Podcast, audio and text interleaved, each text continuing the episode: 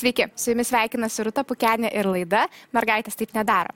Šiandien su mumis Monika Vaitkutė, UX arba vartotojo patirties dizainerė. Monika užaugo menininkų šeimoje, net juokauja, kad jos kambarys gali priminti meno galeriją.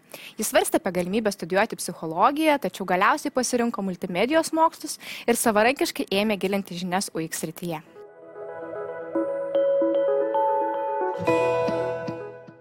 Sveiki, Monika. Sveiki. Monika, kodėl UX? Kuo šis rytis jūs sužavėjo? Um, aš, kai sužinojau apie šią sritį, kažkaip pasąmoningai net sujungė mano visus ir anksčiau norėtų studijuoti dalykus, tai psichologija, ta domėjimas žmonėm. Uh, man labai, uh, aš anksčiau klasiokams turinėdavau fenotipus, tai kažkaip, kažkaip kai sužinojau apie šią sritį, man labai įdomu pasidarė tai, kad e, yra žmogus, vat, e, UX dizaineris, kuris gali numatyti, e, nuspėt, kas bus kitiem patogu, kaip kas kur norės spausti, jeigu padėsi mygtuką čia, jis labiau pritrauks dėmesį, žmogus links eiti viena kryptimi, jei padėsi kitur, links eiti kita kryptimi. Tai man čia toks kaip atrodė, aš galiu nuspėti, ką veiks kiti, kaip, kaip elgsis su programėlėm ar su internetiniais puslapiais kiti. Ir tai kažkaip labai labai sudomino, patraukė, kad irgi galėčiau kurti produktus kitiem, kur naudosis begalė, begalė žmonių. Tai buvo labai įdomi vat, tuos šitas rytis. O koks buvo jūsų kelias į tech? Jūs studijavote panašų dalyką, bet ne visiškai tokį. Taip, tai aš dešimtoje klasėje nusprendžiau, kad studijuosiu multimediją ir kompiuterinį dizainą. Ir pradžioje galvojau, kad būsiu labai kieta video kurėja, galbūt dirbsiu su reklama, bet kažkaip labai asocijavau savo ateitį su video. Ir galiausiai vis tiek mačiau, kad progra studijų programoje yra ir programavimo dalykų tuo metu e, tikriausiai daugelio žodžių net nes, nesupratau, e, kad tik daug daugiau bus programavimo, nei aš įsivaizduoju, bet vis tiek buvo žodis multimedija ir mane papirko, kaip ir daugelį ir mano kursiokų labai e, papirko tas ta žodis multimedija ir aš pradėjau studijuoti šį dalyką ir tikrai buvo tos, to programavimo labai daug ir taip ir gavosi, kad tas pro, e, programavimo, e, besimokant programavimo ir vat, multimedijos kažkokių tai dalykų, susipažinau su UX. Tai turėjom vieną kursą Human and Computer Interaction ir tada vat, sužinojau apie UX ir viskas įsimylėjau iš pirmo karto ir, ir tiesiog jau tvirtai tada tikrai apsisprendžiau, kad čia bus mano kelias, bandysiu eiti šituo keliu bet e, ta meilė dizainui, menui nuo pat mažumės jūs lydėjo. Žinau, kad ir prieš pokalbius dar užsiminėt, kad augot menininkų šeimoje. Kaip atrodė jūsų vaikystė? Taip, tai mano abu tėvai yra menininkai. E, pagrindinis jų darbas yra dailės mokytojai, bet jie po darbo niekada nesilsi, užsiema e, įvairiais plenerais tarptautiniais, įvairiomis parodomis. Tai vasarą, kai baigėsi uh, mokslai, tai jie nes, ne, neliūdį nesėdė namie ir aš su jais važinėdavau, kai buvau mažesnė įvairius plenerus. Um, tai visą laiką supo tokie uh, meniški, kūrybiški žmonės aplinkui. Ir, ir irgi visi tikrai klausinėdavo, tai ir tu būsi menininkė, tai ir tu dailininkė arba ka, kažkuo panašaus. Tai, tai vat visą laiką ir, ir supo tas toks kūrybiškas gyvenimas aplinkui. Ir nežinau, tiesiog labai smagu, manau, e, ir labai iššūkdė ta meniška aplinka tokį labai atvirą, empatišką požiūrį į gyvenimą. Bet atrodo, toks gyvenimas yra labai nutolęs nuo tech industrijos standartų. Vis dėlto jūs dabar jau šiandieną turbūt galėtume tai paneigti. Gal galėtume daugiau papasakoti, kaip atrodo UX dizainerio kasdienybė. Aš įsivaizduoju, kad kūrybos čia tikrai labai daug. Taip, tai uh, dažnai vyrauja stereotipai, kad arba žmonės menininkai, arba tiksliukai ir viskas, tos tokios takoskiros yra ir, ir tuo viskas užsibaigia. Turi matematiką, fiziką mokytis arba dailę ir galbūt istoriją. Bet uh, nors mano srity yra labai daug techninių dalykų, uh, daug loginio mąstymo, bet uh, tas kūrybinis mąstymas uh, tikrai labai padeda ir jo labai reikia. Tai ne tik mano srity, bet ir daug e, te, tech srityje reikia dažnai to kūrybinio mąstymo. Tai um, pavyzdžiui, mano kažkokios užduotys būna, kad aš turiu padaryti tam tikrą flow, tam tikrą kelią, kur vartot, vartotojas keliaus ir eis. Ir yra tam, dažnai yra tam tikros taisyklės, gairės, kas turi būti, kas neturi būti, kažkokie reikalavimai, bet dažnai nueiti kažkokį kelią galima per tris skirtingus būdus. Tai va ir atsiranda tai ir kūryba, toks mąstymas, kaip, kaip būtų galima išspręsti tam tikras vartotojų problemas, nes niekada nėra vieno kelio. Tai vat, ir atsiranda tas kūrybiškumas. Tai taip pat dažnai UI designeriui, tai, kuris dirba su interfeisu, ką jau galutiniai vartotojai, vartotojai mato, E, kokį vaizdą, tai jiem atrodo dažniau e, tenka to kūrybiškumo, jie e, apipavydalina produ visą produktą, bet tikrai UX designeriui tenka nemažai galvoti, jeigu ypač produktą kuri nuo pagrindų, nuo nulio, tada labai daug turi apmastyti įvairių kelių ir tas gaunasi toks net kaip kryžiažodis, kaip galvosūkis, tai labai smagu, kad niekada nėra vat, vieno kelio, yra labai daug skirtingų kelių ir va, tas kūrybiškumas čia e, ir figuruoja. O kaip atrodo ta jūsų kasdienybė, kas jūsų darbė svarbiausia? Mm. Kasdienybė tai uh, labai dinamiška, vad kuo man šitas rytis ir, ir uh, labai patinka, tai uh, ji yra labai dinamiška, turiu begalę skirtingų užduočių, tai uh, pavyzdžiui, nuo išsiaiškinimo apie kažkokį, jeigu turiu įgyvendinti funkcionalumą X, tai turiu išsiaiškinti, kodėl jį mes įgyvendinam, ar tikrai mums jo reikia, nes galbūt būna atrodo kaip ir reikia, bet galbūt vartotojai tai bus perteklinė užduotis ar funkcionalumas. Ir nuo išsiaiškinimo viską apie užduotį iki gyvendinimo, atvaizdavimo kaip kažkokių skrynų sukūrimo. Tai labai labai toks kompleksiškas darbas, net e, būtų sunkus e, greitai viską supasakoti, e, kokios užduotis tenka ir ką turiu atlikti. O svarbiausia, tai labai dažnai yra svarbu e, negalvoti, kad o aš taip daryčiau, aš esu useris, aš va tarkim naudojusi kažko, kažkokio appsu ir aš taip daryčiau. Tai labai svarbu atskirti save kad e, aš nesu vartotojas, e, neturėti tokio asmeninio požiūrio, reikia būti labai objektyviam, nes irgi kaip, e, tarkim, jeigu dabar dirbu su projektu ir mes kuriam produktą užsienio rinkai, tai aš toje kitoje šalyje negyvenu ir aš negaliu nei, nei objektyviai matyti, nei niekada neturiu galvoti apie save, turiu galvoti apie kitus, pasiremti e, kažkokiais researchais, tyrimais. Tai tas yra labai svarbu, nes netapatinti savęs su tuo galutiniu vartotoju, nes e, reikia būtent apie tuos galutinius vartotojus galvoti. Man labai įdomu tai, kad į šią sritį nėrėte praktiškai savarankiškai ir išskirtinai naudojatės tik nemokamais resursais iš pat pradžių. Gal gali daugiau papasakoti apie tai, turbūt reikėjo velniškos kantrybės ir užsispyrimo.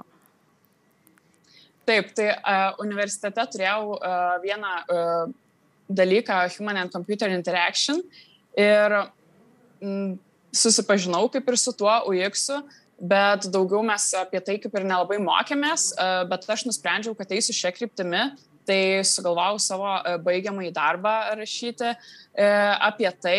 Ir kadangi buvau studentė, e, darbo neturėjau, e, norėjau kaip ir labai gerai užsibaigti mokslus, pasibaigti, e, tai kaip ir tų laisvų tokių pinigų nebuvo kažkokiem kursam, tai aš vis, viską mokiausi YouTube pagalba, įvairiu, įvairius šaltinius radau ar knygas skaičiau, tai labai e, tikrai toks pakankamai yra sunkus kelias mokyti savarankiškai, nes kai tu nelabai ką žinai, neturi mentoriaus, kas tave e, nukreiptų tam tikrą links, linkme, labai dažnai e, žiūri daug pat visokių video ir jie atsikartoja tos žinios, tu tiksliai nežinai, vat, pavyzdžiui, jeigu žiūriu užsienio e, video, tai galbūt Lietuvoje man to daryti nereiks, arba jie kažkokias kitas aktualijas e, e, apipasakoja ir ir tikrai toks kelias pakankamai ilgas, bet uh, vis tiek tikrai galima e, rasti ir tų nemokamų šaltinių, yra dažnai ir online kursų ir tikrai nebrangių, bet uh, tai bet, jeigu yra noro, tai tikrai viską galima išmokti ir nemokamai, galbūt jis bus ilgesnis kelias, bet aš dar studijavau, tai to laiko kaip ir buvo, tai tiesiog tokiu keliu ir nuėjau. O kaip pavyko gauti tą pirmąjį darbą šioje srityje, juk mokantis savarankiškai tai turbūt viena sunkiausia akimirko. Pasakyti, kad savo, kad jau žinau mhm. pakankamai, kad galėčiau ieškoti darbo ir galiu už tai gauti pinigų.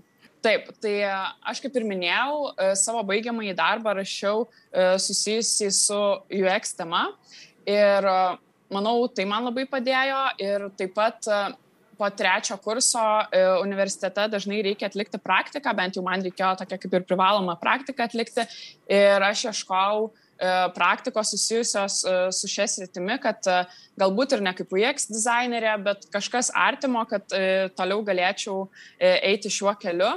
Tai aš radau praktiką kaip web grafikos dizainerė, dirbau su internetiniais puslapiais, su WordPressu, tai tai nebuvo labai arti viso UX ir nebuvo tokių daug užduočių kaip UXerės, tačiau buvo tikrai labai artima, susikūriau tam tokį tikrą portfolio ir po ketvirto kurso man pavyko tą e, pirmąjį darbą rasti kaip UXerės, nes turėjau parodyti kažkokių e, darbų pavyzdžių, su kuo dirbau, kad su tais internetiniais puslapiais dirbau.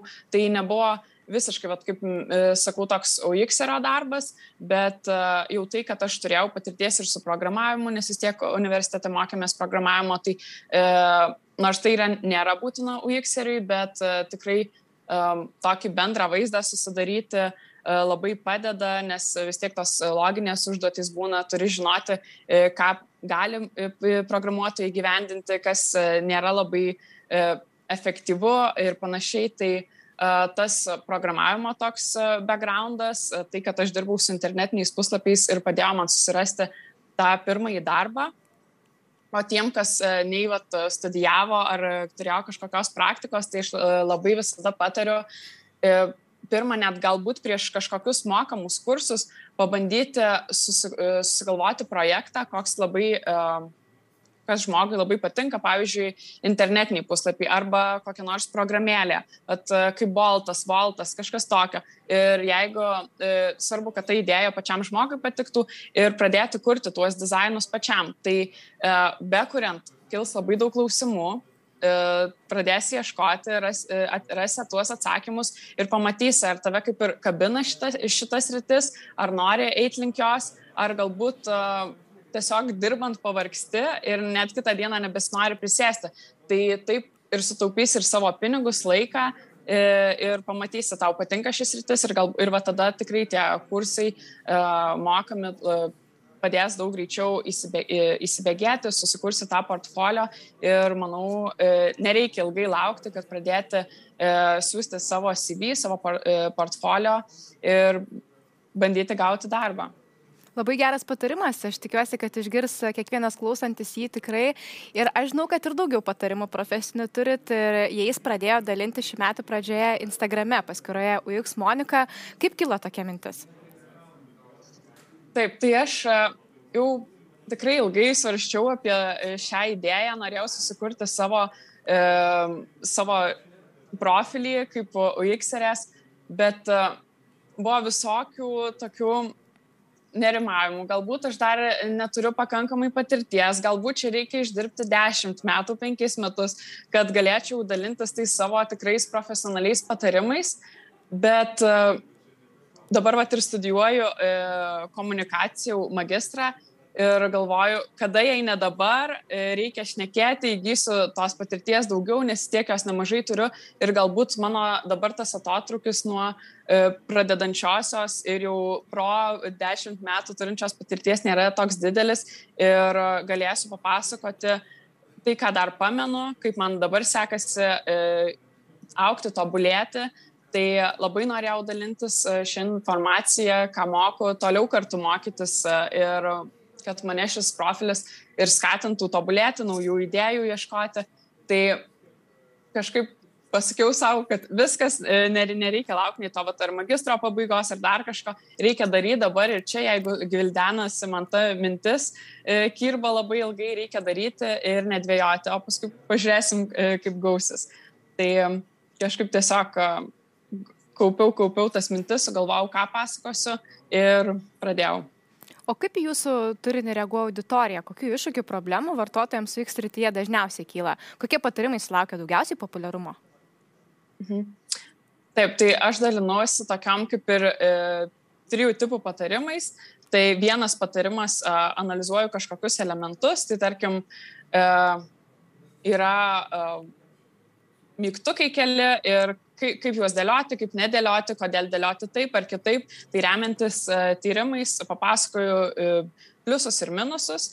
Kitas, e, kita grupė patarimų, tai tiesiog dalinuosi savo patirtimi, kas iš tokios kaip ir ne IT pusės, bet kaip dirbti, pavyzdžiui, kaip pradėti vertinti tą savo darbą, kad, nes dažnai būna, kad įsivaizduoju, jog po penkių metų aš jau būsiu labai geras UX specialistas, ar, ar po penkių metų galėsiu save tikrai vertinti e, ir laikyti save kietų profesionalu ir labai užtrunka tas kelias ir dažnai žmonės save nuvertina. Tai e, yra toks e, power of small wins, tai gale mažų pergalių ir yra labai svarbu save kelyje įvertinti ir pasidžiaugti savo pasiekimais, kad e, tas visas kelias link tų penkių metų e, tave labai džiugintų ir mėgautumėsi savo procesu, nes vis tiek pasieksi, tarkim, tą penkių metų patirtį ir tada kas toliau.